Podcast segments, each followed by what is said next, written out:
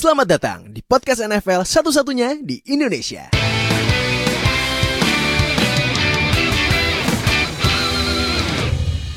Baik sama gue Fadil host kalian di Zero Knowledge Podcast Aduh maaf Nah kita akan review week 4 yang kemarin udah selesai Walaupun ada dua match yang Yang waduh ada terancam di, di delay Tapi ya yang satu di delay yang satu di Ditundanya ya sedikit. Teman untungnya kita udah selesai week 4 Banyak uh, hasil yang mengejutkan. Apalagi ini salah satunya nanti yang bakal kita bahas. Dan hasil-hasil lain yang ditayangin sama Mula TV dan seperti biasa uh, weekly review balik lagi sama Nuha di sebelah kanan gue. Lalu di bawah gue ada Oka. Dan balik lagi ini Fadil Ohio yang yang setiap power ranking selalu naruh Colts di peringkat satu ini ini apa apa, apa ceritanya ini ya Enggak, sekarang dia lagi seneng banget nih, Fadil lagi seneng banget nih sekarang nih. Kenapa seneng? Oh iya, oh iya, iya, iya. Tadi, oh iya, tahu, gue, tahu, tahu, tahu. Oke, oke, oke, oke. Oh iya, karena, iya, karena tim jagoannya ini dengan sangat-sangat mengejutkan, mengalahkan. Tar dulu, tapi ntar aja ya. Tar aja, ntar kita review. Nah, kita mulai nih week 4 review nggak bakal lama ya. Nah, cuman sebelum kita mulai, gua mau mengabarkan sebuah breaking news yang tim jagoannya ada di sini salah satunya. Karena orang yang mengtrade DeAndre Hopkins ke Cardinals akhirnya dipecat juga. Congrats buat Oka. Akhirnya Bill O'Brien dipecat. Ya, Eh, banget ya. akhirnya ya. Gimana Kak? Gimana reaksi lo pas tahu Bill O'Brien dipecat? ya seneng lah pagi-pagi gitu Ah. bangun terus tiba-tiba lihat berita Bill Ah. O'Brien dipecat wah udah kayak ah, mimpi apa gue kayak Gila ya. Gila. Berarti berarti lu makin happy ya? belum belum Oh belum, belum. Oh belum happy ya Belum karena lu happy, nompat ya. Aduh. Aduh. Nah, jadi eh ya eh, breaking news tadi tuh tadi pagi ya, tadi pagi Bill O'Brien resmi dipecat setelah berapa musim ngelatih Tex dan jadi GM Texans berapa? Kalau tahun ya? dari 2014 Oh, dari Kalau 14 ya. kemarin dia dari tahun kemarin Jadi GM-nya? Giannya dari 2019 Hmm, oke oke oke oke. Nah, jadi apakah Texans akan 12 winning streak langsung biar masuk playoff? Nah, kita lihat aja ntar ya. Nah, ya insya Allah ya amin amin nah, yaudah Eh, langsung aja kita mulai week 4 review. Gue bacain skor-skor yang nggak ditayangin ya. Itu pertama Cardinals Panthers. Yang menang Panthers. Wah, ini kenapa Cardinals tiba-tiba ya?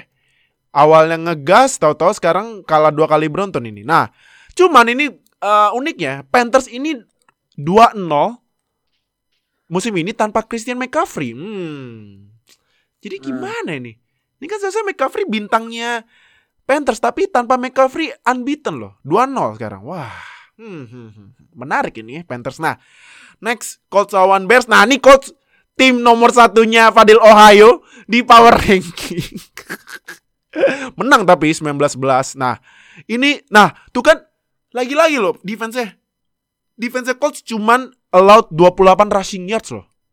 Tuh. gila, mantap. Ini tiba-tiba defense-nya langsung meledak ya. Padahal banyak yang cedera loh. Cuman meledak banget nih defense ya. Nah itu eh, paling dikit dalam satu match sejak 2009.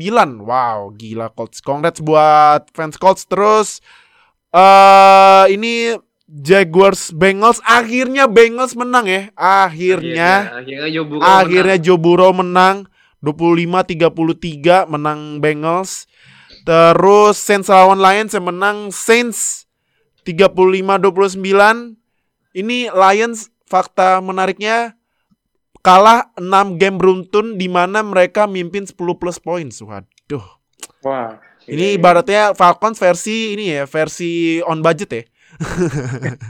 udah Versi lebih Falcon. caur Apa lah, jadinya kalau versi lebih Falcon caur lawan lagi. Lion? Kenapa? Apa jadinya kalau Falcon lawan Lion? Wah, itu tanding-tandingan siapa yang paling bagus Blue Delete ya udah. dari yang mau ngeliat jadinya Duel tim caur. Aduh. Nah, next ini eh nah ini tim yang tadi pagi baru pecat eh, pelatihnya ternyata tadi pagi kalah lagi, malah ngasih Vikings W pertama. Hmm. Hmm. Vikings sama Texans menang Vikings 31-23. Dalvin Cook 6 rushing touchdown dalam 4 game pertama itu paling banyak kedua dalam sejarah Vikings. Wow, Dalvin Cook. Yang yang masang Dalvin Cook di fantasy gokil nih pasti poinnya. Nah, next ini Seahawks lawan Dolphins. Seahawks eh, menang 31-23. Seahawks eh, nanti kita bakal bahas ya Seahawks ya. Yo, iya, betul. Seahawks nanti kita bahas. Sorry tadi gue sempat baca maaf maaf. Nah, next ini Ravens lawan tim yang gak punya nama tim Washington Football Team menang Ravens 31-17. Ini Ravens 20 plus points dalam 27 game beruntun. Wow, ini uh, streak paling lama dalam NFL. Terus Giants lawan Rams yang menang Rams 17-9. Ini eh, Rams ini kalau misalnya week kemarinnya kalah, week selanjutnya ini dia rekornya 11-4. Ah, kalau ini ya, kalau week kemarinnya kalah ya. Ini Hmm. sejak 2017 loh. Tuh, tim Nuha tuh. Congrats ya, timnya Nuha nih. 3-1 sekarang di AFC West. Eh, NFC West, sorry, NFC West. Nah, NFC West dong. terus Bills masih unbeaten di AFC East 32-3 lawan Oh, tim jagoannya oh, Chef Juna. Gokil sih, gue aja Gila. takut lawan Bills kemarin. Bills 4-0 Legit. start pertama kali sejak 2008 itu uh, Marshawn Lynch Bismuth masih ada di Bills. Gila kan emang. Gila. Nah, eh terakhir ini game yang ditunda Patriots lawan Chiefs kita maaf ya kita nggak review karena nggak di nggak ditayangin juga. Eh Chiefs menang 26-10 ya Patriots karena sayang sekali ya Cam Newton kemarin positif ko- eh, COVID-19 jadi diganti sama Brian Hoyer dan Brian Hoyernya ngaco banget. Hmm. Heh. Terus diganti Jared Stidham nembak touchdown tapi abis itu ngasih pick six. Udah. nah, eh ini Chiefs menang 9 dari eh, 10 game terakhir dengan jarak 10 plus poin termasuk playoff musim kemarin. Nah, jadi itu game-game yang kemarin main di week 4 yang gak ditayangin.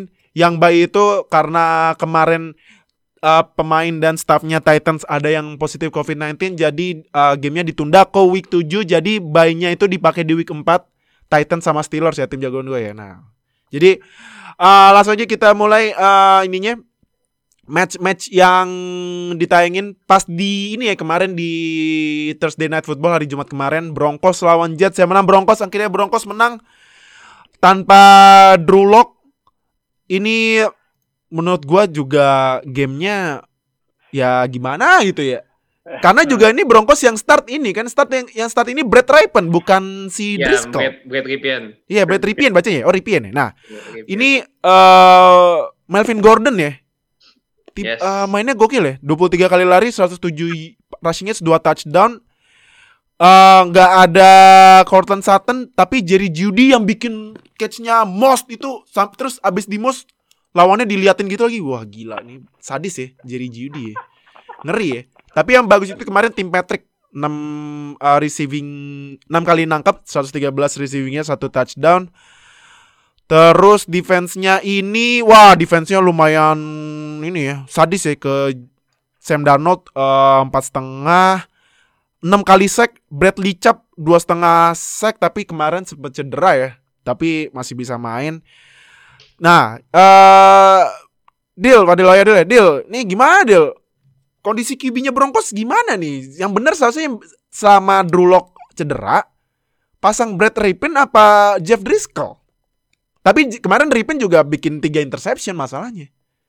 Menurut gua Ah. interceptionnya nggak nggak bukan salahnya Ripken sepenuhnya ya, terutama Ah. yang kedua sama yang ketiga kalau nggak salah. Yang Mm-mm. pertama oke lah, itu itu emang ada masalah. Tapi menurut gua si uh, Brad Ripien ini dia bisa ngelempar cukup bagus lah at least. Mm-mm. Tapi emang apa ya nontonnya kemarin tuh ya gampang-gampang susah gitu bikin Hmm. sakit mata juga nggak nggak ada nggak ada talent talentnya dikit banget gitu di Iya, Benar, benar, benar, dua Mas. tim tuh itu nontonnya tuh sengsara gitu loh Iya.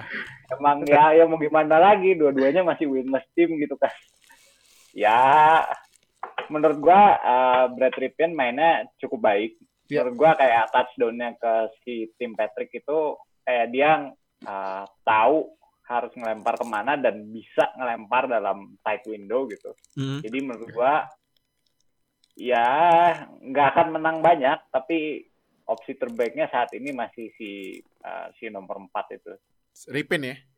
yep Nah, eh kalau ini deh Nuha deh.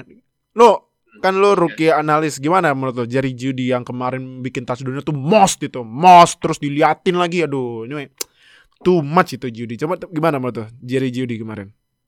Ya kalau menurut gue sih Jerry Judy kemarin ya he's deserve lah buat menjadi number one receiver-nya di nah di Wood Nuggets sih sorry. Denver Broncos ini ya karena kelihatan banget dengan dengan quarterback cuma cuma sekelas Brad Rippon aja dia masih bisa excel to, to, to, to the best performer dia. Mm-mm. jadi ya ya sama mungkin masih sama Brad Ripien mungkin nggak akan banyak produksinya mungkin nggak akan terlalu banyak. Mhm. cuma ya kita berharap aja sih dia bisa ngebantu lah at least dengan offense yang Broncos yang masih acak-acakan dengan banyaknya pemain dengan cedera kayak Noah Fant sama KJ Hamler cedera. Mhm. ya semoga dia yang bisa step up lah sih si Jerry Judy ini. Oke, nah, eh kak, kalau dari ini kalau Jetsnya gimana tuh? Sam Darnold yang kemarin bikin rushing touchdown keren banget kan, yang tiba-tiba ketularan jadi Lamar Jackson. Cuman ya Iya. kalah, gimana dong? Gimana Iya. Mas nih? Kalau Jets as a whole sih kayaknya masih acak-acakan juga sih kayak kata Fadil tadi. Hmm. Cuma dengan ya Darnold juga kemarin juga sebenarnya akurasinya uh, parah juga sih. 23 for 40, 42 berarti hampir 50-50 ini ya. Jadi Hmm. hampir uh, 19 kali miss pass ya. Dan ya cuma 230 dan uh, tadi lu bilang tadi berapa tadi berapa seks tadi dari Broncos Eh tadi itu eh 6 sack. 6 sek nah Hmm. itu pun juga udah gambarin uh, betapa ya rusaknya dari offensive line-nya New York Jets Hmm. dan defense kalau untuk defense gua rasa nggak seburuk yang orang kira nggak yang bener-bener uh, worst in the league banget sih cuman ya uh, mereka masih uh, cannot really cover the pass Hmm. run uh, run defense juga ya masih uh, so-so mungkin nggak sesuai yang gue prediksiin waktu awal musim uh, awal musim yang kita prediksi bahwa gue Yeah. bilang New York Jets bakal eh, ada improvement Eh, ternyata gue salah ya gue salah gue akuin gue salah dan juga uh, dan yang paling mengkhawatirkan juga kemarin diberitain kan bahwa beberapa kali ada uh, unnecessary roughness dari defense-nya Jets kan dari Ah defense-nya iya iya. Jets. dan itu uh, mungkin lebih jadi sumber masalah juga karena ya defensive koordinatornya ya lu tahu kan namanya si Greg Si Williams Greg ya, iya itu kurang aja tuh orangnya. Wah itu kalau lu tahu story-nya itu Kacau Itu- tuh orang emang masa nyuruh pemainnya ya? Gila, Bah. udah dari zaman 2009 tuh sebenarnya ya Iya dari 9 iya. Hmm. jadi Gila. uh, it- mengkhawatirkan sih mengkhawatirkan banget untuk Jets jadi dan mungkin kalau misalkan lu nanya Adam Oh. Oke. Nah, eh, ini mungkin Oka lagi nge-freeze bentar cuman nah, gue mau loncat ke ini, ke Jets itu rukinya yang kelihatan juga. Cuman ini ya, apa eh kemarin tuh yang lumayan si Pierre Desir ya. Pierre Desir kemarin Ya. dua interception salah Hmm. satunya eh pick six ya. Nah, next week ini Jets, Jets itu next week bakalan lawannya itu Jets lawannya Cardinals. Nah, terus kalau ini kalau si Broncos, Broncos itu next week lawannya Patriots. Waduh. Hmm. Hmm, Patriots ya. Nah, eh tapi terakhir deh, deal. Kalau dari lo, quick deh. Kalau menurut lo, apakah saatnya Adam Gaze dipecat apa gimana? menurut gua writing on the wall-nya udah ada ya maksudnya kalau lihat performa terus lihat hasil secara keseluruhan nggak ada alasan buat untuk tidak memecat Adam Gase cuma ya eh, tinggal ngelihat kestabilan timnya kayak apa kayak Mm-mm. apa yang perlu dievaluasi kayak Iya. misalnya kalau mencat sekarang nge-hire depannya apa plannya gitu kan kadang-kadang kalau misalnya mencat sekarang terus mau pakai interim lah, apa perlu pakai interim kayak itu kan berarti ya harus kayak ngevaluasi siapa yang jadi kandidat buat next time-nya kan. Kayak Hmm. misalnya Greg William kan udah pernah pegang tim sebelumnya gitu Hmm. kan. Jadi nggak nggak nggak ada yang perlu dievaluasi gitu. Kalau mau dipecat apa pecat semuanya atau gimana. Paling it- tinggal itu aja sih menurut gua kalau kayak dipecat sih ya ya sudah kayak sudah hampir pasti gitu cuma tinggal kapannya aja. Ah, oke. Nah, no, quick no. Menurut lu Adam Gaze apakah perlu dipecat apa gimana?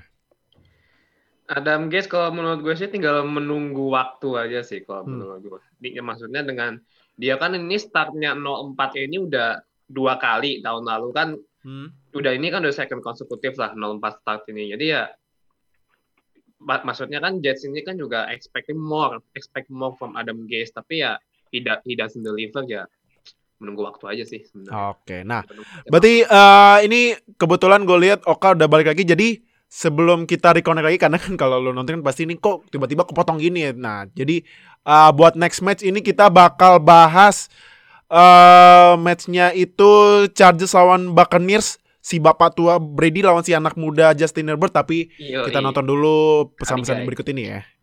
Se- uh, habis tadi match pertama kita udah review, next kita bakal nge-review Chargers lawan Buccaneers yang menang Buccaneers. Eh 38-31. Ini kayaknya kalau dilihat mainnya Brady udah ngeklop banget ya sama receivernya ya. Ini Brady di statsnya ini dia bikin 5 touchdown. Dan itu touchdownnya ke 5 receiver berbeda loh. Kayak dia mirip-mirip main di Patriots ya. Mirip-mirip ya.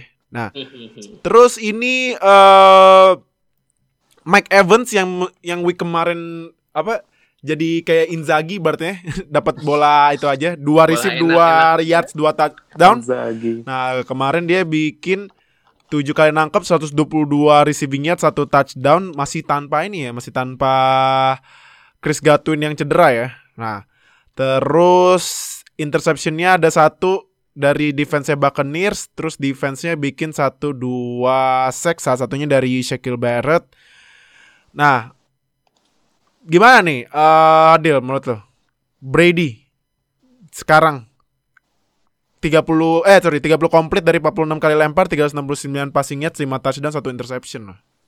Interception juga pick six kalau salah ya. Nah, ya, Yep, gimana? basic. di awal-awal. Iya, gimana menurut lo?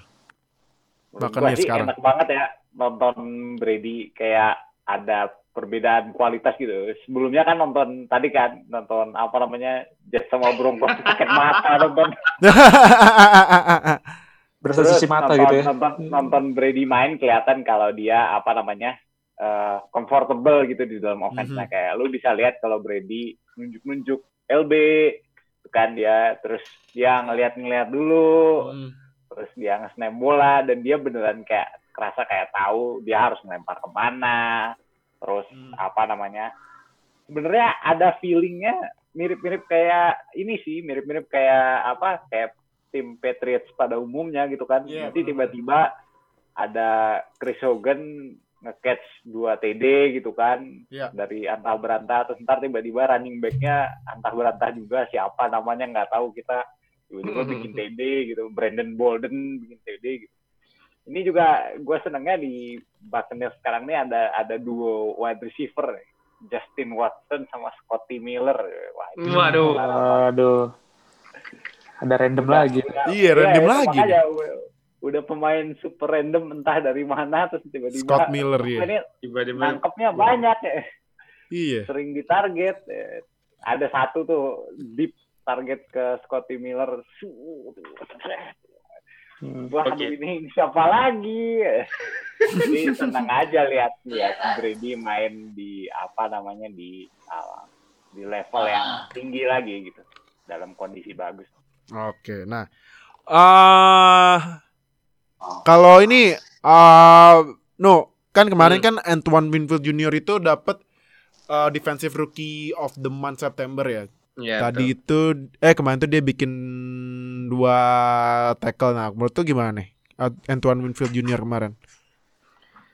Kalau menurut gue sih dia ini udah bisa menjadi tandem yang bagus lah dengan dia bersama Lavonte David, dengan Devin White. Hmm. Dia udah maksudnya udah bisa beradaptasi dengan skema defense-nya si Buccaneers. dengan dia dapat dengan dapat gelar of- defensive the month ya berarti emang dia memang expected to be there gitu. Karena memang bagus secara, secara permainan bagus secara eye test juga bagus secara stat sih memang nggak terlalu mentereng ya. Secara Hmm. stat tapi dia memang menjadi salah satu kunci untuk untuk apa untuk defense Buccaneers ini terus stop the running game. Gitu Hmm. sih. Oke, nah, eh nih, nu, eh, kak, Justin Herbert, menurut tuh kalau gua nonton ya Justin Herbert kemarin mainnya gokil sih, tapi menurut bagus gimana? loh bagus dia bagus main loh Justin Bagus, Herbert. Dia main. ya. Gimana? Ah, kak, Oka dulu abis itu gua kenal lo, karena kan kebetulan Justin Herbert juga rookie. Nah, gimana kak menurut lo? Ya, untuk ukuran rookie sih bener-bener hebat. Ah, ya, performnya bagus banget kemarin di Buccaneers lawan Chargers. Hmm. Dia kalau uh, gue bacain statsnya ya, jadi ah, dia 20 dari 25, Hmm. uh, 290 yard, 3 Hmm. touchdown, satu pick, tapi ya picknya itu karena emang udah di akhir-akhir. dan akhir sih dia, ya dia emang lagi ngejar ya ketinggalan. Iya. Ya, it's uh, not as bad as it seems. Hmm. Not as bad as it seems. Ya, tadi, um, yang costly itu kan dari Chargers kemarin adalah mereka uh, fumble, fumble Ya, dari betul, fumble. Josh Oh ya, Kelly. fumble ya. Joshua Fumble Kelly dari Josh, betul. Ke- dari Joshua Josh Kelly Kelly. ya, iya. Dan itu di daerah mereka sendiri dan itu resulted in uh, Buccaneers touchdown. Hmm. Betul. Ya, Buccaneers touchdown. Nah, jadi uh, overall untuk kalau untuk Herbertnya sendiri uh, it's a great thing sih. Ini emang pertanda bagus juga. Jadi mungkin trennya bakal naik-naik terus sampai ke beberapa pekan ke depan. Maybe, maybe dia bisa jadi salah satu front runner untuk offensive rookie of the year. Hmm, oke. Nah, eh no gimana no, Justin Herbert? Ya kalau misalnya dilihat dari permainan dia dari lawan Buccaneers kemarin ya dia udah maksudnya udah exceeding expectation from the draft.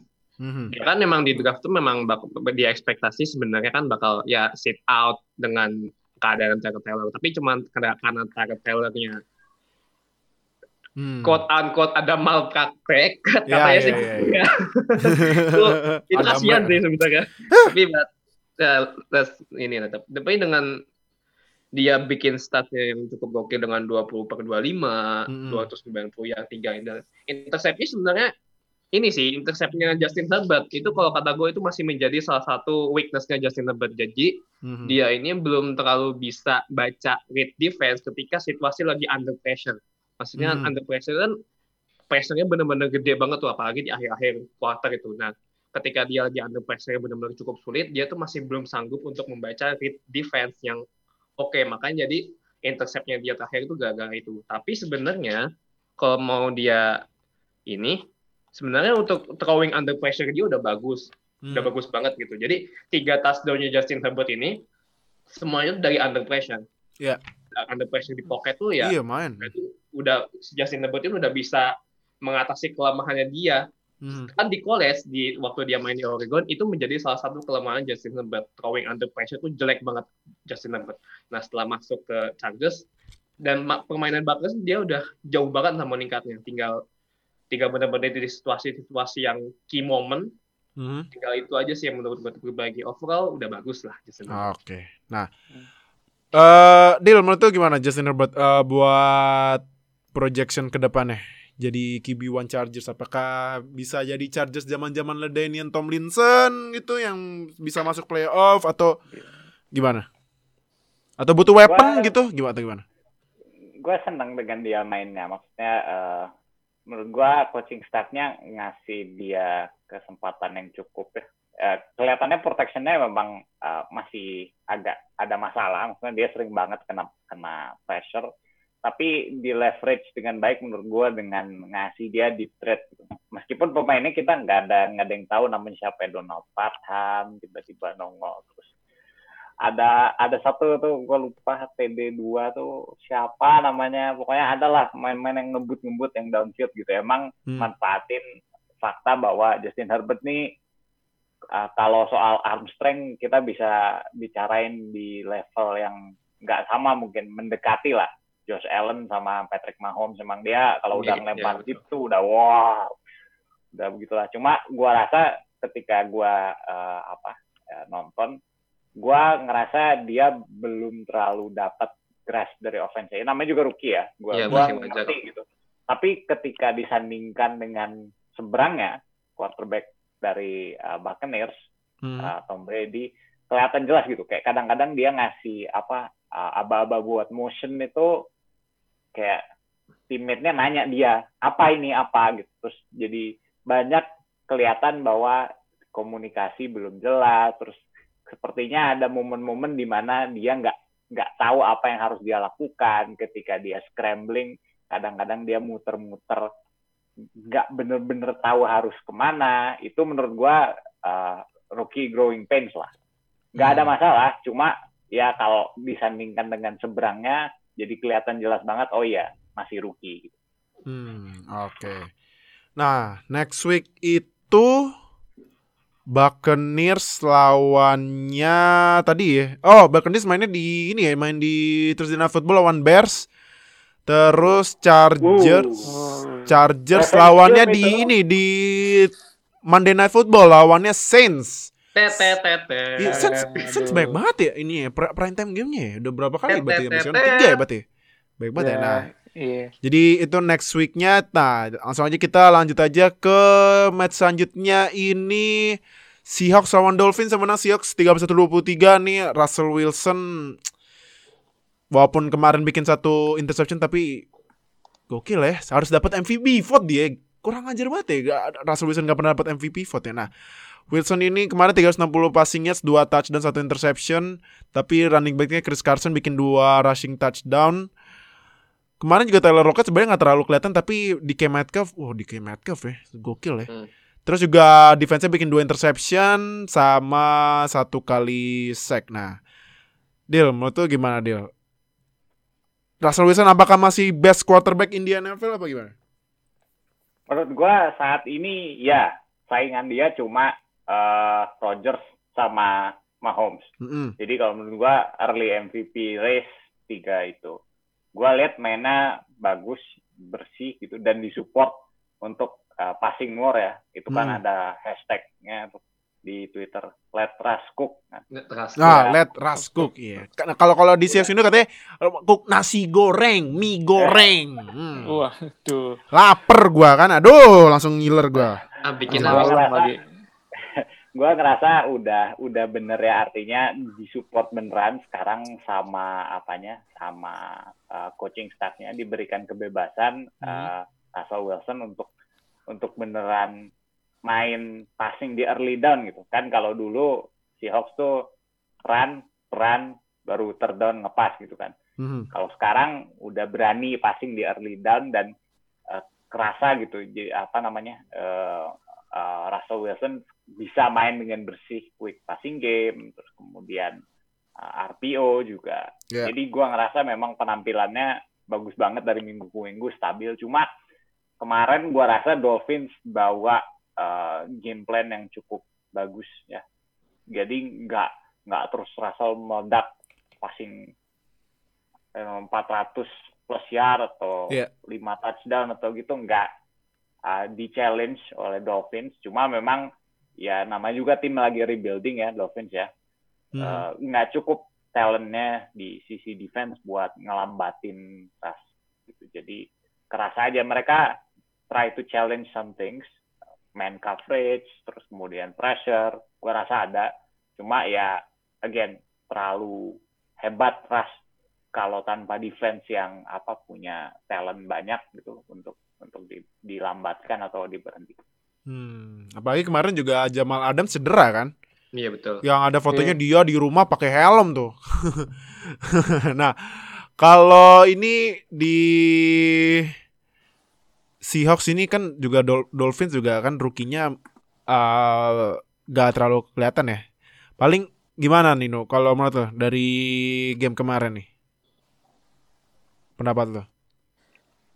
Kalau menurut gue sih sebenarnya yang harus dikritisi dari si Hawk ini tuh defense-nya sebenarnya ya. Ah, Soalnya dari tiga pertandingan awal kan apa si defense si Hawk ini allowed 1292 passing yard. Ya, Wow. berarti itu ada memang dengan datangnya Jamal Adams itu itu nggak membantu banyak apalagi di sisi ini ya air game ya. mhm. Itu soalnya- soalnya kan memang Jamal Adams kan dia memang kelebihannya lebih ke blitzing atau atau stop apa stop rushing di stop rushing offense dan Iya. sedangkan untuk passing coverage itu di defense Seahawks tuh sama sekali nggak ada makanya Hmm. jelek banget sih tiga maksudnya jelek ini jeleknya adalah di stopping passing coverage-nya itu Hmm. ada nah kebetulan apa lawan Miami ini ya istilahnya kayak ujian lah buat defense mereka ya oke lah emang Miami offense-nya emang nggak nggak bagus-bagus amat tapi ya untungnya aja sih menang kayak dengan defense yang bikin dua intercept tapi memang Iya. ada terus yang something yang harus dibenerin lah di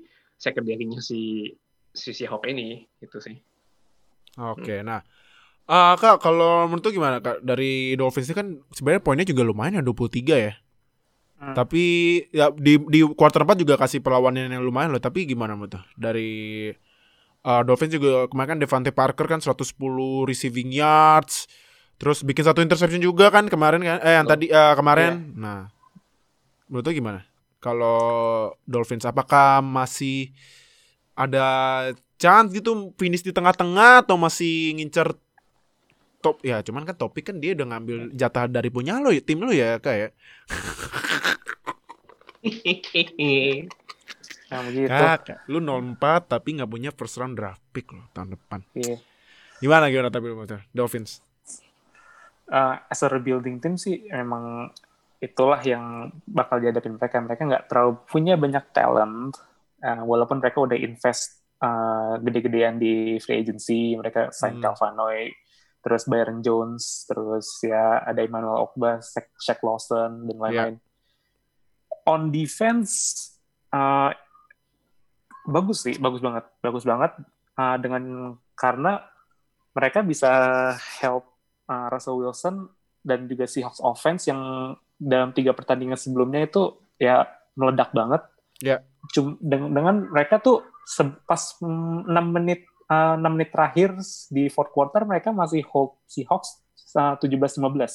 Jadi masih ball game banget, masih kekejar sampai akhirnya Wilson connect long pass ke David Moore, terus habis itu mereka ke touchdown di situ, di situ udah ya udah menjauh lah, udah mulai momentumnya udah balik lagi ke Seahawks. On defense yang part yang gue pengen noted adalah Dolphins itu dia bisa limited on big plays, on big plays. Jadi mereka nggak allow uh, big passing yards ke big passing play ke receiver gitu. Jadi beberapa kali juga uh, Wilson coba untuk uh, push ball downfield ternyata gagal. Dan juga uh, defense-nya Dolphins juga tadi bikin eh uh, minggu kemarin juga bikin interception kan bikin interception dengan Xavier Howard. Jadi mungkin uh, untuk playoff enggak enggak kalau menurut gue kalau menurut Hmm. gue enggak playoff. Tapi mereka bisa ya ini masih dalam fase rebuilding mereka mereka masih coba bikin timnya ngejel dulu buat jadi bikin tim yang buat contending mungkin musim depan atau kayak musim depannya lagi. Terutama mereka udah punya pick banyak kan. Ya makasih ya. Dan itu uh, ya it's a rebuilding team lah it's a rebuilding team. Dan ya bukan nggak perlu harapan yang terlalu gede juga untuk musim ini. But gue sih predi- ah, mungkin melihatnya musim depan sih musim depan mereka udah bisa contending dengan talent-talent yang udah mereka dapat dari draft pick sama free agency Hmm. Oke, nah. eh ini next week eh Dolphins lawannya 49ers. Hmm. Oke. Eh kalau Seahawks ini masih coba mempertahankan unbeaten-nya di prime time game Sunday Night Football on Vikings. Nah, kita lihat nih apakah lagi-lagi Russell, Wilson cook nasi goreng, mie goreng atau apa? Nah, kita lihat aja ntar eh, Russell Wilson masaknya apa ya. Nah, ini langsung aja moving on. Nah, ini tuh. Tuh yang pakai headset tuh senyumnya paling lebar itu. Karena ini gamenya kalau misal kemarin Browns gak bikin two point conversion yang kocak banget itu yang bolanya di block sama pemain Cowboys Iya. atau gelinding ke depan. Kalau misalnya nggak dapat itu bisa skorigami itu sebenarnya. Aduh, ini warga Iya. skorigami sedih nih tiba-tiba two point ternyata ini skornya 49-38 Browns menang lawan Cowboys. Boys, the boys. Gua, How about them Cowboys? aduh, gua, gua masih bingung. Apa yang salah sih sama Cowboys ya? Aduh. Itu kalau ternyata 4938 itu ternyata pernah sekali terjadi sekali loh. Pas tahun 2003 2004 itu. Lo coba deh follow Twitternya Skorigami deh. Ah, itu warga Skorigami sedih banget. Coba 4738 itu kan wah, itu celebration banget. Tapi kan untungnya, untungnya kemarin itu Skorigami itu New Orleans Saints yang menang tuh 39-25 tuh Skorigami. Nah, gimana nih? Udah langsung deh buat fans Browns deh. Gimana nih kemarin nih OBJ tiba-tiba kesetanan bikin tiga touchdown ya. Apalagi yang Nah, di detik-detik terakhir rushing touchdown loh. Gila. OBJ party tuh. Iya, udah gitu Yep, Jarvis party-party. Landry bikin passing touchdown lagi. Wah. Gimana nih, Dio? Browns kemarin. Apakah tidak disangka, tidak diduga gitu apa gimana? tidak disangka ya eh, sebenarnya eh, lebih banyak chance ya itu. Artinya eh, mainnya bagus oke tapi nggak pada level yang harusnya menang lawan Cowboys. Kayak kalau Hmm. udah lihat passing gamenya nggak ada bandingan yang deck mainnya bagus banget. Cuma gara-gara sekali step sack aja momentumnya shift terus kemudian possession berikutnya run udah mau gede Zik udah lumayan jauh fumble juga. Jadi dua kali berturut-turut mereka loss terus ya quick strike bisa TD sekali pakai trick play. Eh, langsung jarak 2 TD dan langsung nggak apa namanya nggak kekejar gitu. Hmm. itu pun itu pun sempat di akhir di fourth quarter tuh deck mainnya udah kayak kebakaran jenggot aja tuh. Pas pas pas pas pas. Dan hampir kekejar kan. Di terakhir tuh cuma beda akhirnya cuma beda Tiga 11 poin. dan, dan itu wi- within Hmm. within within two possession dan and less gitu. Karena akhirnya kita sempat masukin sekali juga kan sebelum TD-nya OBJ itu beneran kayak ini ada kemungkinan kalah gitu. Dan apa namanya eh, itu gua rasa karena memang nggak bisa dipungkiri Cowboys mainnya bagus banget untuk soal eh, offense mereka. Cuma ya we did enough lah I think eh, as a team sebagai tim Browns Hmm, oke. Nah, eh kalau dari defense nih gimana betul? Mas Garrett yang bikin dua sack ke Dak Prescott. Apakah eh kemarin itu memang bagian kan kalau Miles Garrett itu kalau dari point of view defense dia di bagian kanan ya? yes Nah, apakah eh karena juga banyak banget OL Cowboys yang cedera jadinya Miles Garrett bisa exploit bagian weaknya Dak Prescott apa gimana menurut lo? Ah, enggak ya. Gua gua nggak ngerasa itu karena cedera. Iya, uh, well-nya Cowboys lagi shifting gitu karena karena ada cedera and one another problem. Hmm. Tapi gua ngerasa eh uh, bukan itu faktor utamanya gua rasa. Gua Hmm. rasa gua masih nggak ngerti dari beberapa minggu pertama ini Browns soalnya defense-nya nggak kelihatan bagus gitu. Tapi it always did enough. Nah ini yang gua nggak tahu apa memang itu by design. Artinya ketika butuh pressure terus pressure-nya dimunculin atau enggak gitu. Karena Hmm. gua ngerasa mainnya jelek sebenarnya by Oh. by by normal standard ya. Artinya pressure-nya nggak konsisten get there. Artinya deck kayaknya nyaman-nyaman aja gitu di pocketnya. Gitu. Cuma tadi ketika butuh kayak minggu kemarin ketika butuh pressure ada pressure-nya. Terus dapat gitu. Sack fumble strip sack terus pas yang kedua dapat fumble dari Zeke gue nggak ngerti apa itu cuma gara-gara kita main ngelawan tim yang jelek atau gimana ya I don't know. Tapi for me mainnya biasa aja. Hmm, oke. No gimana betul si Dilem kemarin yang bikin dua receiving touchdown walaupun kalah lawan Browns. Idi ya. Ya sederhananya sih ya kalau mau di apa namanya? disederhanakan ya dia bagus. Dia maksudnya dengan kondisi offense-nya Browns yang eh Browns sorry. Cowboys yang Bagus. acak adut kayak gitu, dia masih bisa step up Hmm. dengan Dak Prescott yang ya masalah Dak Prescott ini sebenarnya inkonsisten aja sih dia tuh sebenarnya. dia dia bagus as a quarterback, bagus banget as a quarterback. Cuman ya Hmm. permasalahannya di inconsistent aja. Kadang Hmm. throw-nya begini, kadang throw-nya begitu. Ini itu juga bikin orang bingung. Play Iya. action-nya kadang amburadul. Iya. Dengan keadaan kayak gitu dengan si Dylan bisa produksinya bisa dua touchdown ya itu ya udah bagus lah dengan udah bagus banget gitu. Iya. Maksudnya tanpa perlu analytical analytical yang macem-macem secara sih udah bagus maksudnya dengan keadaan dia dengan di offense yang berantakan kayak gitu Tapi kalau menurut lu si Dilem sekarang receiver terbaik gak? Dengan Rux cedera, Judy yang ya mungkin masih main tapi timnya kayak gitu ya. Cowboys juga sebenarnya timnya kayak gitu. Cuman menurut kalau misalnya disuruh pilih dua nih, lu milih Judy apa si Dilem buat receiver terbaik rookie sekarang? Atau ternyata ada lain? Atau gi- gimana menurut? Kalau gue ada pilihan lain sih Oh, sebenarnya siapa? gue mau ngemilih kalau buat rookie of kalau rookie of the week buat gue dari minggu ini itu Justin Jefferson Justin Oh, Vikings ya. ya Justin Jefferson Hmm, Oke, oke, oke. Sabi, sabi. Nah, eh, Kak, Hmm. apa yang salah sama Cowboys? What's wrong?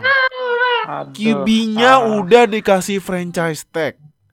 Weaponnya udah ada Zeke, si, CD Lamb, Amari Cooper, Michael Gallup. Kalau Titans sekarang Dalton Schultz ya. Kan kemarin juga bikin touchdown ya, Dalton Schultz ya. Yep. Coachnya udah pernah juara Super Bowl. Kalah sama Browns. What's wrong with the with them boys? Apa yang salah sih? Nih gue nunggu video Scooter McGruder nih. iya iya Ah, Iya, benar. gue juga, gue juga nungguin tuh. Dan, ya kalau misalkan Super Bowl championnya sebagai Mike McCarthy ya karena lu juga di carry sama Aaron Rodgers jadi gue nggak Oh. akan ngitung. Oke, oke. nggak Nah, ngitung. gimana menurut kalau Cowboys analisis lu?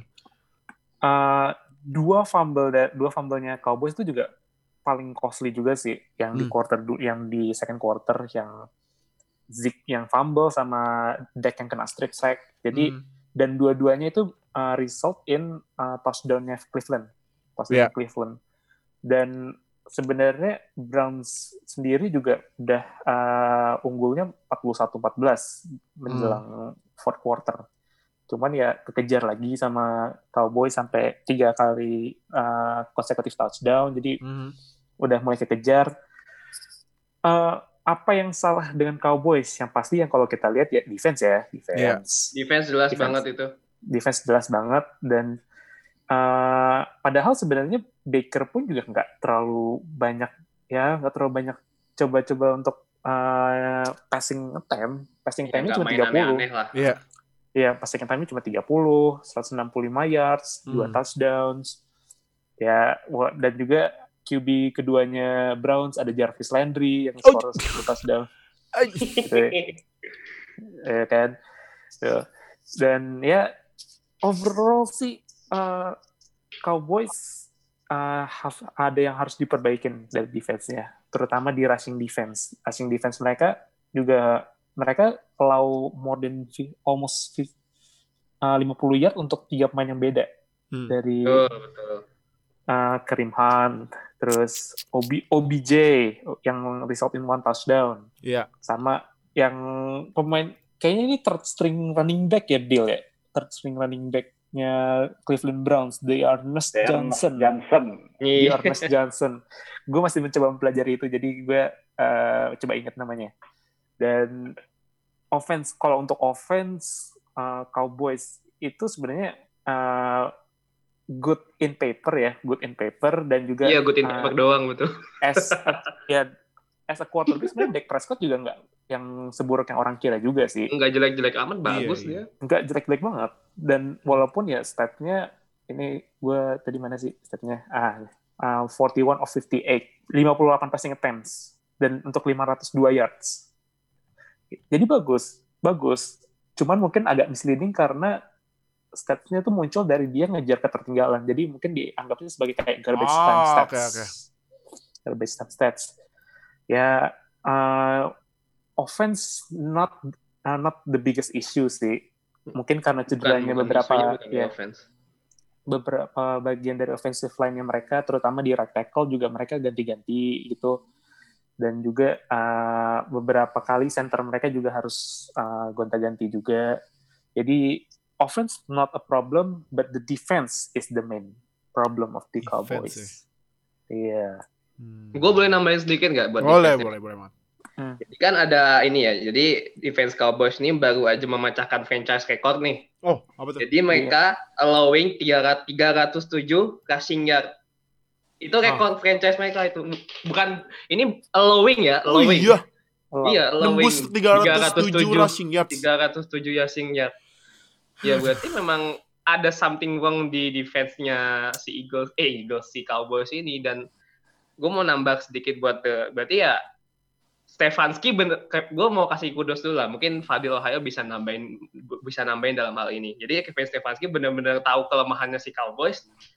Dia terus ya memanfaatkan ya udahlah daripada kau apa daripada macam-macam mending kita coba aja main running game dengan Nick Chubb, Karim Hamdan dengan string running back yang kita nggak tahu siapa dan berhasil gitu. Nah mungkin Fadil bisa nambahin sih kalau masalah Kevin Stefanski ini. Eh, Coba sorry, gue nambahin, gue nambahin dikit eh, tadi yang kata Nuha tadi.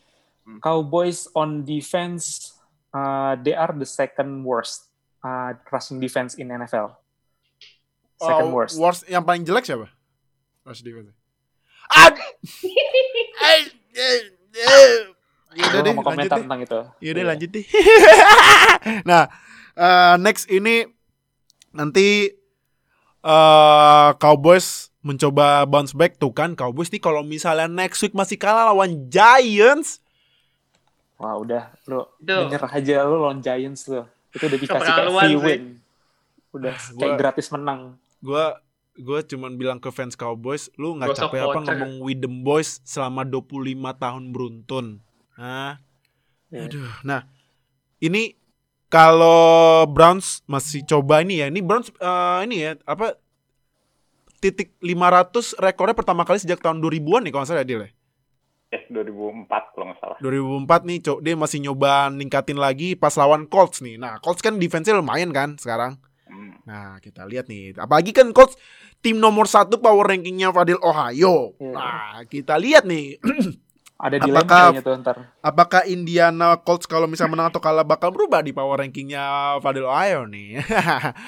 nah, terakhir sebelum kita kedatangan bintang tamu ya, nah gue baru tau sekarang sorry. Ntar kita ada bintang tamu ya. Ini kalau misal lu ikut di grup kita nih, dia paling berisik ini fansnya ini. Tapi ntar aja ya. Nah, eh terakhir ini yang tadi eh, yang kemarin pagi ya. Kemarin pagi habis matchnya Patriots lawan Chiefs, Packers lawan Falcons yang menang Packers 30-16. Untungnya Falcons tidak blue lead ya. Untung aja ya. Beneran kalah kalau sekarang ya. Beneran kalah. nah, eh Deal gimana Deal? Nih Rodgers tanpa Davante Adams, tanpa Alan Lazard yang week kemarin gokil banget. Ternyata dia masih punya opsi-opsi weapon lainnya. Kemarin itu Robert Tonyan siapa itu Robert Tonyan ya? Iya, tight end-nya, tapi bikin tiga receiving touchdown. Gimana deal menurut lo? Apakah Rodgers masih terbilang the GOAT sama fans Packers, tapi orang lain bilang Rodgers is washed gitu kan. Cuman gimana menurut tuh Rodgers musim ini? Sampai week keempat. Ah, musim musim ini memang mainnya bagus banget ya kelihatan kalau there's something different. I don't know apakah itu karena apa karena kayak kata orang-orang yang udah dipanas-panasin sama Packers ngedraft Jordan Love atau ya he just want to prove his doctor wrong ya kan banyak banget tuh hatersnya Rodgers tuh yang bilang dia udah udah udah wash lah udah Wash, wash. yang paling eh, kentara gua rasa memang eh, eh, eh, sistem offense-nya ya. Hmm. Ya, mereka eh, making effort eh, running the ball dan kelihatan gitu ada trik-trik yang dilakukan oleh Matt LaFleur untuk melakukan hal itu. Ya, banyak banget formasi-formasi aneh dan gak jelas gitu. Lu bayangin ada play di mana Rodgers ngelempar deep go dan dua receiver yang deket di situ dua-duanya pakai nomor 30 gitu. Dua-duanya running back. Gitu. Kan gak masuk akal. ya jadi dia ada yang lempar sekali ke sideline yang nangkep Jamal si Williams. ya? Aaron Jones kalau nggak salah. Eh, Aja Aaron Jones atau Jamal Williams. Pokoknya satu di antara tiga tiga sama tiga puluh tuh dua-duanya lari rute go gitu, jauh deep gitu kan. Kan lawak gitu.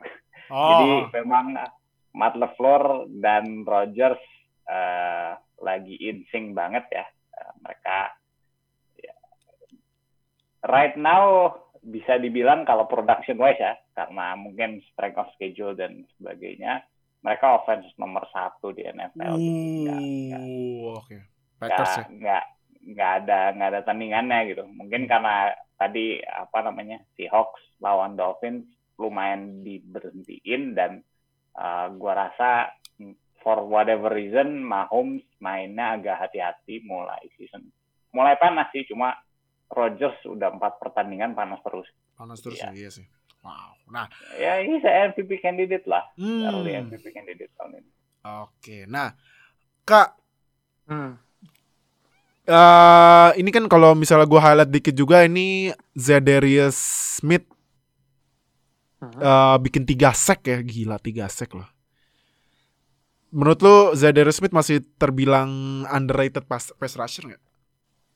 Ya, selama masih di disrespect sama penonton-penonton NFL ya pasti bakal underrated. Iya iya. Ya, dan yang kayak kita waktu awal musim juga bilang kan Deal, Hmm. uh, sack doesn't really matter, but maybe pressure yang Pressure kita bisa iya. hitung sebagai Gua gua ya.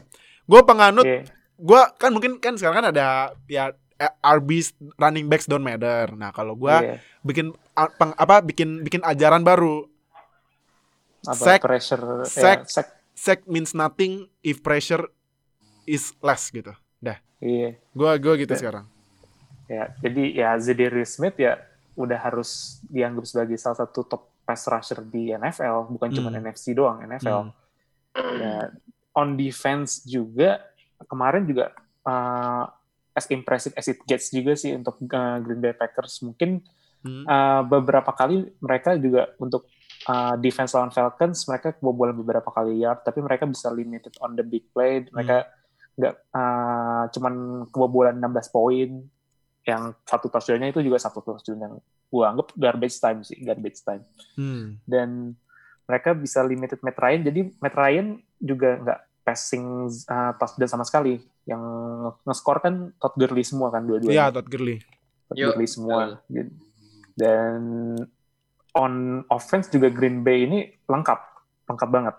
Dia udah quarterback ya lu tau lah quarterback running back juga mereka udah punya two headed monster udah ada Aaron Jones udah ada Jamal Williams terus receivernya juga sekarang udah mulai ya udah mulai gelling lah udah mulai kelihatan kebentuk receivernya siapa aja yang bakal diandalin sama Rodgers Hmm. dan offensive line-nya gue berani bilang offensive line Packers musim ini adalah yang paling bagus di NFL. Uh, berarti Karena mereka Ah. ya mereka allow least amount of pressure. Oh, wow, ini fakta baru ya. Iya, List jadi yang apa Ah. eh, ketembus pressure dari defense-nya paling dikit ya di liga ya. iya lim, cuman 15 pressure kalau nggak salah. 15 pressure? Dikit. Dan itu ya Oh, peringkat banget. pertama dan jauh eh, jaraknya dengan peringkat dua tuh jauh banget, termasuk jauh. Hmm. Oke, oke. oke. Jadi ya it's a complete package di offense, defense-nya maybe mungkin coba untuk ditingkatin lagi.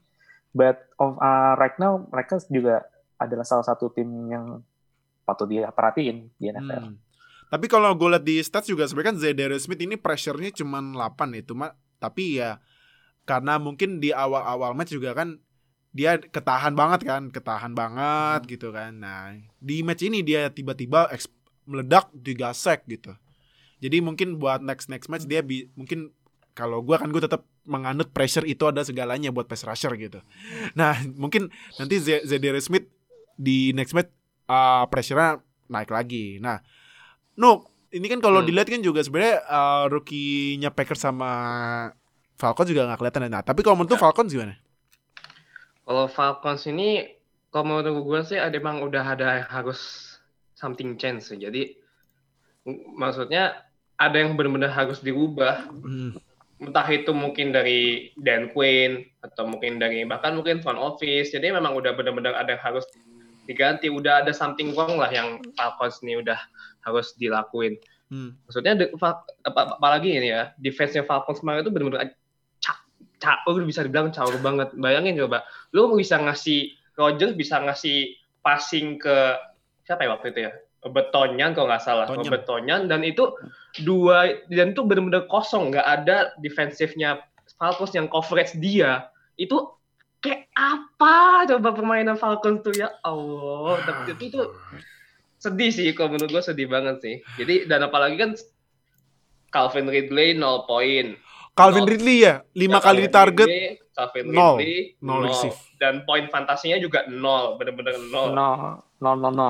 kayak ini ya, kayak Julio greedy greedy, greedy sekarang greedy, Iya, gitu. Iya, Julio Jones cedera hamstring. greedy. Aduh gimana ya, sedih sedih sih, bener-bener sedih sih ya. Mereka dependin sama Todd Gurley yang kesakitan kayak gitu.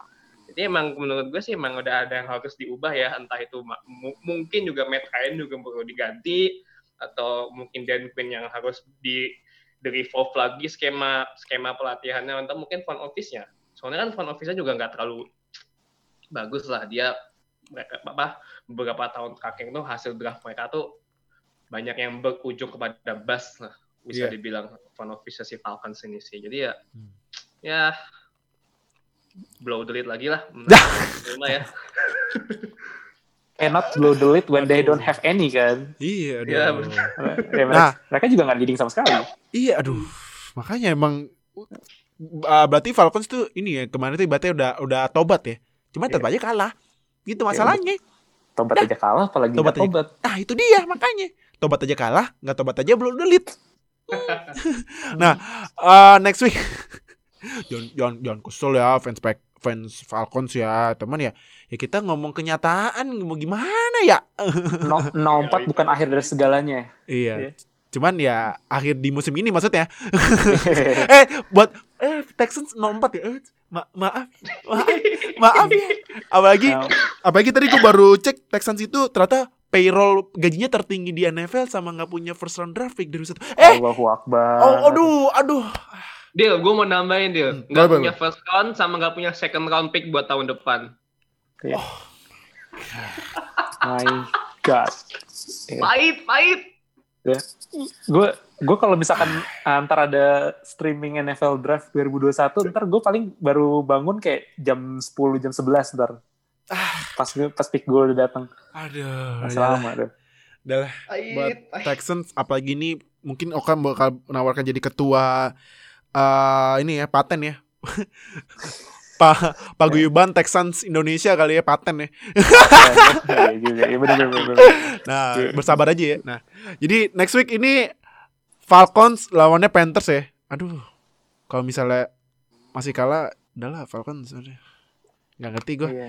Kalau Packers Packers ini next week bye ya, bye, bye, bye week ya.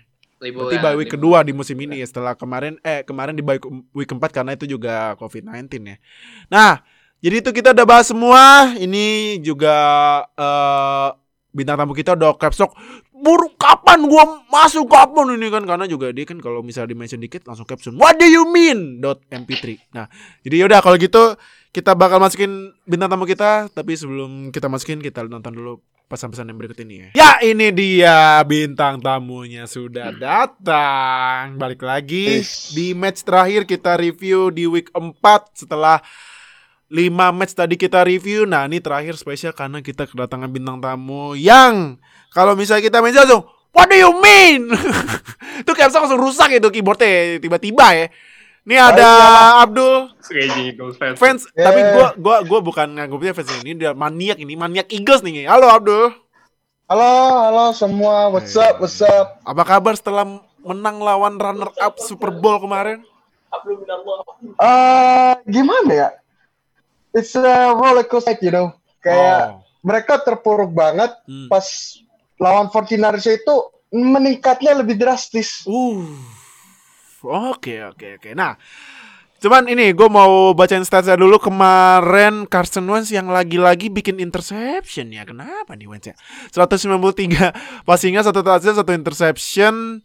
Tapi Wentz bikin rushing touchdown loh, lumayan ya. Terus ini defense-nya bikin nah defense ini bikin dua interception teman kan QB lawannya Chris Mullins ya. Ya, Nick Chris Mullins. Mullins ya. Nick, Iya. Mo- Nick Mullins. Mullins. Nick Eh, Mullins. kok Chris Mullins, Iya, Nick Mullins, Nick Mullins, sorry, Nick Mullins. Nick Terus juga Mullins. terakhir-terakhir Mullins. diganti Mullins. sama siapa namanya tuh si ini siapa? CJ CJ Beathard. Si JB Hart Eh, ya. si Rebecca Hart. Walaupun Iya, terakhir-terakhir udah deket end zone, cuman ya zong terakhir-terakhirnya. Nah, terus juga defense-nya, tapi ini defense-nya lumayan loh. Kan karena kalau nggak salah Eagles itu salah satu tim yang pressure-nya lumayan tinggi ya kayak di NFL ya defense ya. Iya, um, for ya untuk for week span sih termasuk tinggi juga sih. Nah iya, karena kemarin tuh defense Eagles bikin satu, dua, tiga, empat, lima sack loh. Wow, Iya, lumayan. lima sack, lima ke ini ke Nick Mullins. Nah, gimana nih Dul? Coba gimana eh, reaksi lo setelah akhirnya Eagles menang dan memimpin NFC East dengan rekor 1-2-1. Hmm. Eh, bagi untuk gue feel untuk gue feelingnya masih belum cukup seneng ya soalnya Oh, kenapa? eh, gimana ya Eh, mungkin dampak yang pertama itu dia kena draw dari Bengals itu karena mungkin adaptasinya dari Carson Wentz dan defense-nya itu masih belum ada gimana kalau gua apa kalau gua ngebahas itu mungkin eh, mungkin balik lagi ke Bengals itu kenapa dia draw. Nah, mungkin karena Wentz-nya itu belum ada kalau nggak salah gua kalau gua bilang ya ada adaptasi gimana eh, Bengals di offense-nya di defense-nya. Karena mungkin di Beng di Bengals itu ada satu QB baru gitu fresh gitu. Ah, oke. Kalau Terdapat Niners gimana? Kalau Niners gimana? Kalau kemarin yang Niners gimana kalau menurut lo? Setelah Kalau menurut kalau 49ers itu ya lum, eh, mungkin tantangannya lumayan kan ya menurut gue tuh 49ers ya lumayan menantang sekali soalnya Hmm. eh di akhir titik terakhir ya gua gua bahasnya ya Hmm. itu yang ha, bet apa ba, Bethard, Bethard, Bethard Bethard. ya Ah. ya Bethard itu kalau gue lihat detik-detik terakhirnya, wah gila sih. Itu dia nge-pass-passnya itu di detik-detik terakhir itu 5 menit detik terakhir itu eh 5 menit 5 menit terakhir itu Ah. gila banget. Itu eh passingnya, receptionnya itu gede banget gila. Ngeri ya.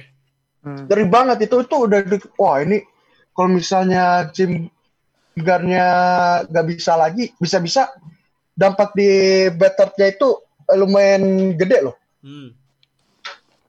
Tapi Terus ya terus gimana, terus. terus untuk Eagles-nya ini mungkin adaptasinya Eagles ini mungkin eh, makin meningkat ya. Soalnya kan ada John Hightower, Boston Scott, Ah. Richard God, Richard apa Richard Rogers gitu-gitu. Terus ya yang paling paling apa sih paling extraordinary ordinary uh, receiver ini nih yang gue lihat-lihat ini mungkin uh, wide receiver ya penggantinya Johnson nih atau Oh. ini apa atau Elson Jeffrey Siapa tuh? Travis Fulgham Travis Fulgham. Oh, yang kemarin dia Oh. bikin touchdown ya? Receive touchdown. Iya. Receive touchdown ya. Iya, iya. Iya. Oke, oke. Ah, oke, oke. itu Nah, dia Oke, nah, eh deal, gimana deal? Kalau menurut lo deal, ini apakah Eagles menang karena memanfaatkan 49ers yang BPJS semua? Atau gimana deal menurut lo? sakit California. Gimana menurut lo? Eagles? Ah, menurut gua Eagles made enough plays ya. Hmm. Ah, by no means mainnya bagus. Hmm. Gua ngerasa kayak Wentz beberapa kali kayak nggak melakukan passing secara cukup akurat. Kayak dia sering banget ngelempar low ke Ya. bawah gitu. Akhirnya miss. Kemudian tapi yang gua senangnya mereka tetap melakukan passing secara vertikal ya Hmm. ada deep bomb yang touchdown ke full game itu dari deep passing terus kemudian beberapa kali juga meskipun nggak on target tapi tetap dicoba itu yang gua seneng dari uh, Eagles kelihatan memang uh, banyak problem dari timnya Uh, pressure selalu ada Wentz harus lari kiri kanan Iya. tapi uh, gua rasa mereka made enough plays gitu dan defense-nya juga sama ya on on the other side Niners juga pressure selalu ada, artinya di line-nya ya compete lah satu Hmm. sama lain kayak balap-balapan nge-pressure quarterback. Tapi ya itu tadi gua rasa uh, Eagles made enough plays, uh, unknown receivers dari mana-mana, tapi dan Wentz juga termasuk gua rasa mainnya erratic, nggak nggak konsisten, tapi at the end of the day he came through, melempar touchdown di pass, dan gua rasa itu jadi pembeda. Hmm, oke. Nah, eh oke dari 49ers ini kan kemarin George Kittle balik lagi dan gila ini George Kittle. Mungkin nih Abdul nonton George I- George Kittle meledak gini deg-degan kali ya Dul ya.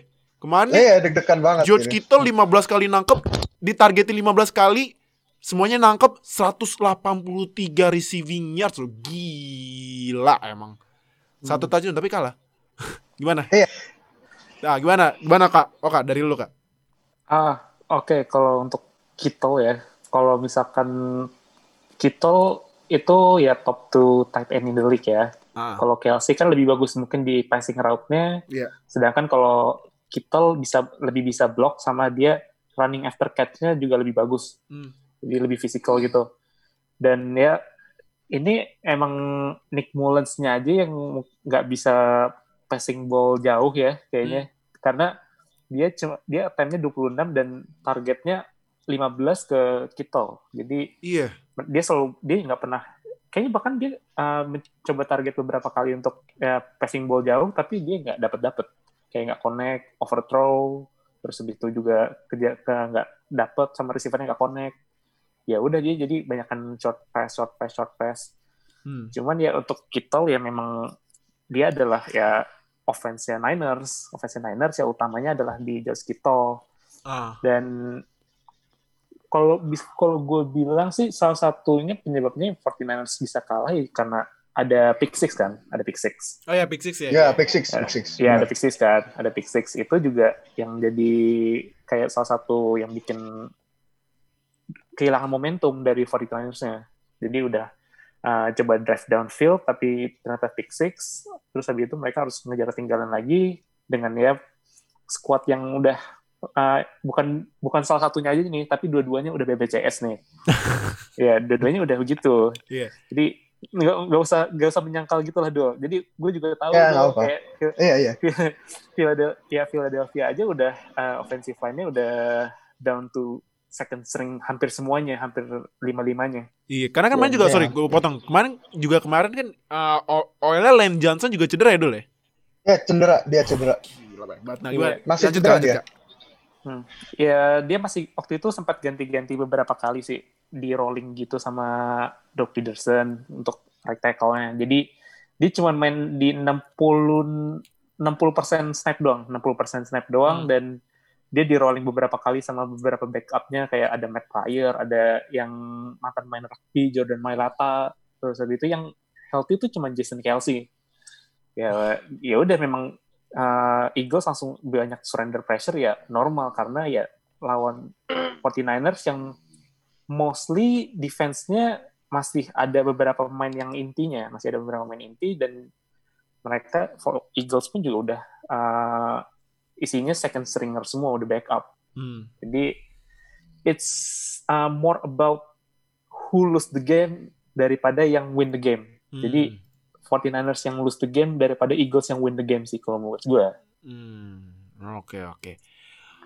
Ah, no, gimana no? Kan kema- ah, kemarin juga Jalen Rager kan cedera ya, dul ya. Ya betul. Ya, ya. Nah, cedera Cedera. lagi. Tapi gimana menurut lu dari kalau lu nonton game kemarin Eagles lawan 49ers apakah kaget atau ya karena ya 49ers cedera semua banyak yang cedera atau gimana? Dari lu, reaksi lu. Kalau gue sih nggak expect untuk game ini tuh bakal high point ya sebenarnya. Karena ya seperti yang udah kita tahu banyak sekali dari pemain-pemain mereka yang cedera entah itu dari 49ers maupun Eagles. Dan dari posisi wide receiver Eagles ini memang agak tricky ya dengan Alshon Jeffrey nggak ada. Jalen Rager yang kita harapkan bakal menjadi sesuatu yang booming ternyata juga cedera.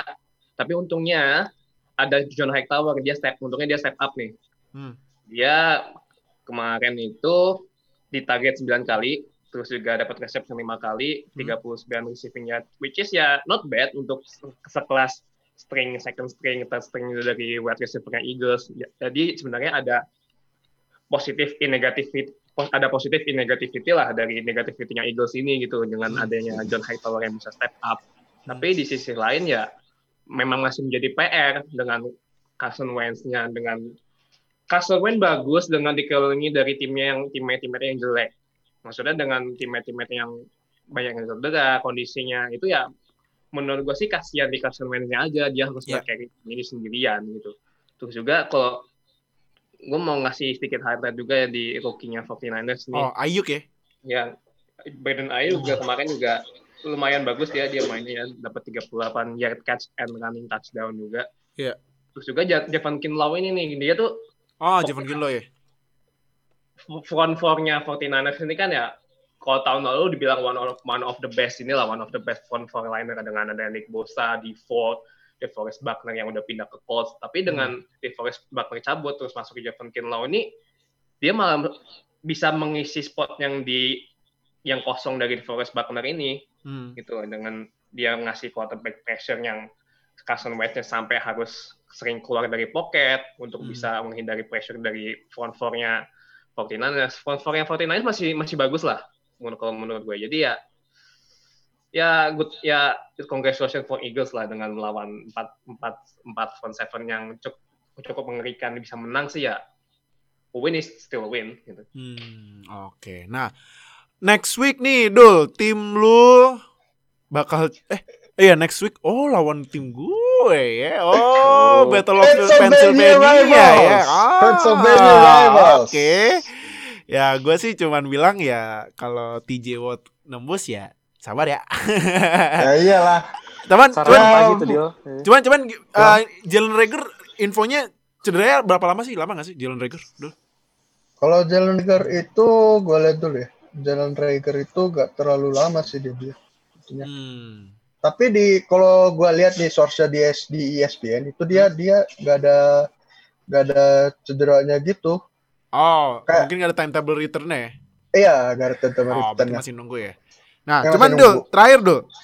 Apakah Eagles bakal menang lagi NFC East yang aduh, ini divisi apa ya? gimana Dul, gimana Dul? Eh, gimana Dul, Dul, gimana Dul, gimana Dul, sorry. Mau kalau gua bagi gua sih di Pennsylvania Rivals ini mungkin Ah. kayaknya gak ada kesempatan besar untuk bisa menang gitu loh. Soalnya kan Hmm. udah gitu kan lawannya Steelers, Hmm. Steelers, Pittsburgh, Pittsburgh Steelers gitu. Belum lagi Big Ben, the biggest return in this league, Iya. biggest return in this league, Heeh. and mungkin untuk NFC East itu berdampaknya lebih besar tuh. Heeh. besar besar kayak gimana we don't know about that. Mungkin eh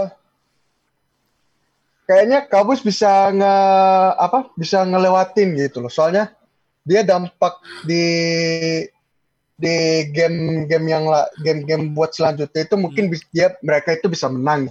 Iya. di tim gue itu di tim Eagles itu masih belum ada harapan. Soalnya kan masih ada draw satu gitu. Oh iya, dua satu. Ya, iya, iya, iya. iya Nah, oke.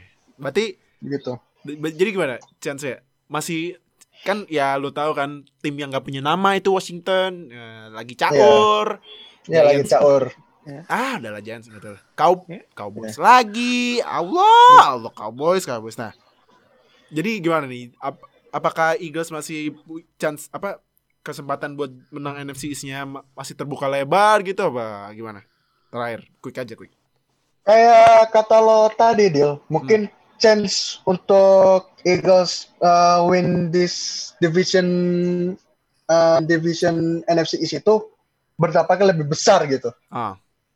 Oke, oke. Gede ya. Oke. Nah, Iya. Uh, next week juga 49ers ini lawannya Dolphins. Nah, gimana nih? Uh, alas ya buat tim podcaster kita ya. Deal gimana deal? Uh, 49ers Dolphins apakah Niners bisa bounce back gitu lawan Dolphins yang lagi ag ya masih masih agak-agak hot ya sekarang ya. Eh, Enggak enggak hot juga sih masih ya naik turun naik turun juga apalagi masih rebuilding tim gimana deal? Gue nggak tahu ya. eh Garapolo dijadwalin balik kapan? Kalau udah balik Hmm? ada chance, tapi menurut gua sekarang mainnya belum rapi sih Oh. Niners. Jadi mungkin soalnya gue seneng banget lihat pas lihat Dolphins uh, lawan Seahawks kemarin tuh gue lihat mainnya ada game plan yang terstruktur, mereka juga execute dengan baik gitu, manfaatin playmakernya gitu. Jadi gue senang lihat Dolphins main. Cuma ya balik lagi kalau ada Jimmy udah balik, mungkin apa namanya Niners punya kesempatan menang yang lebih besar. Tapi kalau belum, gue suka Dolphins kayaknya. Dolphins ya bisa steal ya. Mhm. Oke. Ah, no gimana? No? Quick aja dari lo. Niners Dolphins siapa yang menang? gue sih mau nambahin sedikit aja sih. Jadi yang dibilang Fadil juga udah sebenarnya udah hampir men- menjawab apa yang gue akan jawab gitu. Hmm. Tapi kalau menurut gue sih ada tambahan. Jadi bakal ada jadi kalau menurut gue jadi close tight game lah. Jadi skornya tuh bakal tipis gitu. Jadi ya entah itu dari 49ers, entah itu dari Dolphins, marginnya itu bakal tipis. Entah Hmm. itu yang mungkin mungkin 20 22 atau ya angka-angka segitu dan gua rasa nggak bakal high scoring sih dengan memperhatikan dari bagaimana permainan Dolphins sama 49ers empat Ah, game oke. belakangan tipis tapi nggak nggak high scoring. Oke. Eh, Kak gimana Kak? Terakhir, quick aja deh lo. Niners Dolphins. Sama kayak mereka berdua bakal jadi ini bakal jadi defensive battle sih. Defensive, Defensive battle, battle kan ya uh, terutama dengan Dolphins yang lagi ada momentum juga. Kemarin lawan Seahawks juga mereka bisa help. Ya bisa compete lah lawan tim yang sekarang lagi 4 and 0 dan juga ya 49ers yang mungkin masih dilanda banyak cedera dari QB play-nya juga mereka masih berantakan. Hmm. kayak kayak tadi juga Nick Mullins dua kali interception, CJ Beathard not that better uh, enough. Jadi it's a close game dan gue berani pilih Dolphins untuk ini. Oh, Dolphins. Oke, jadi kayak gitu. Thank you banget yang udah nonton dan dengerin week 4 review. Thank you banget Abdul sebagai gua lagi-lagi nggak bilang fans maniak Eagles. Yoi. Semoga bisa mena- masuk playoff dengan rekor yang kocak lagi ya. Kayak musim lalu. Amin. iya kayak musim kemarin. Semoga aja, semoga aja. Kocak, kocak banget. Tapi yang penting yang penting juara divisi udah pasti masuk playoff ya. Jadi Ya. udah itu aja buat hari ini. Thank you banget seperti biasa eh, podcaster kita Fadil Ohio yang masih masih tidak percaya kali ya. Browns bisa mengalahkan Cowboys nih dengan skor yang sangat tinggi kan. mantap. 49 38 loh, gila. Dan Gila juga banget. Noha yang timnya masih 31 ya di NFC Masih West yang 3-1. masih ketat. Dan terakhir ini lagi-lagi tim yang sudah dipecat pelatihnya tapi nggak punya first round sama second round draft pick tahun depan, gajinya paling tinggi juga dan Tapi juga dia happy, nge-trade Dio. Tapi dia happy. Hopkins. Buat Oka thank you ya udah datang lagi. Dan dari gua yang kemarin timnya baik gara-gara lawannya kena covid. Aduh ah jadi uh, thank you banget dari gua uh, mewakili Fans Indonesia. Thank you banget buat yang udah nonton di YouTube. Jangan sama yang dengerin di Spotify. Jangan lupa seperti biasa kalau YouTube subscribe ke konten sambil subscribe biar kita upload langsung uh, update sama NFL di Indonesia dan jangan lupa di week ini nanti bakal ada zero bus lagi buat fantasy. Apalagi ini udah week 5, ah udah bye-bye ini udah banyak. Ah, ini tim lu yang fantasy kalau misalnya nggak siap sama bye week ya Bye-bye. udah deh. Bye bye. Kelar. Bye. Sama- bye. Bye. Sama iya, Bye. sama terakhir juga jangan lupa nanti weekend gue bakal rilis lagi eh, American Football One on One. Sorry kemarin nggak gue upload karena ada keperluan jadi harus diselesain dulu. Jadi nanti di weekend gue bakal kasih sejarah tentang tim dari NFC tapi NFC -nya kan ada empat nanti nanti tungguin aja pasti weekend. Jadi thank you banget nonton, thank you banget dengerin see you di episode week clear review minggu depan di week 5 ya. Dah. Much love NFL fans Indonesia. Thank you, thank you, thank you. Cheers. Oke. Terima kasih telah bergabung dengan Zero Knowledge Podcast. Follow kami di Instagram dan Twitter at NFL Fans Indo. Atau bergabung dengan kami di Line Square dengan keyword NFL Fans Indonesia. Sampai jumpa di podcast berikutnya.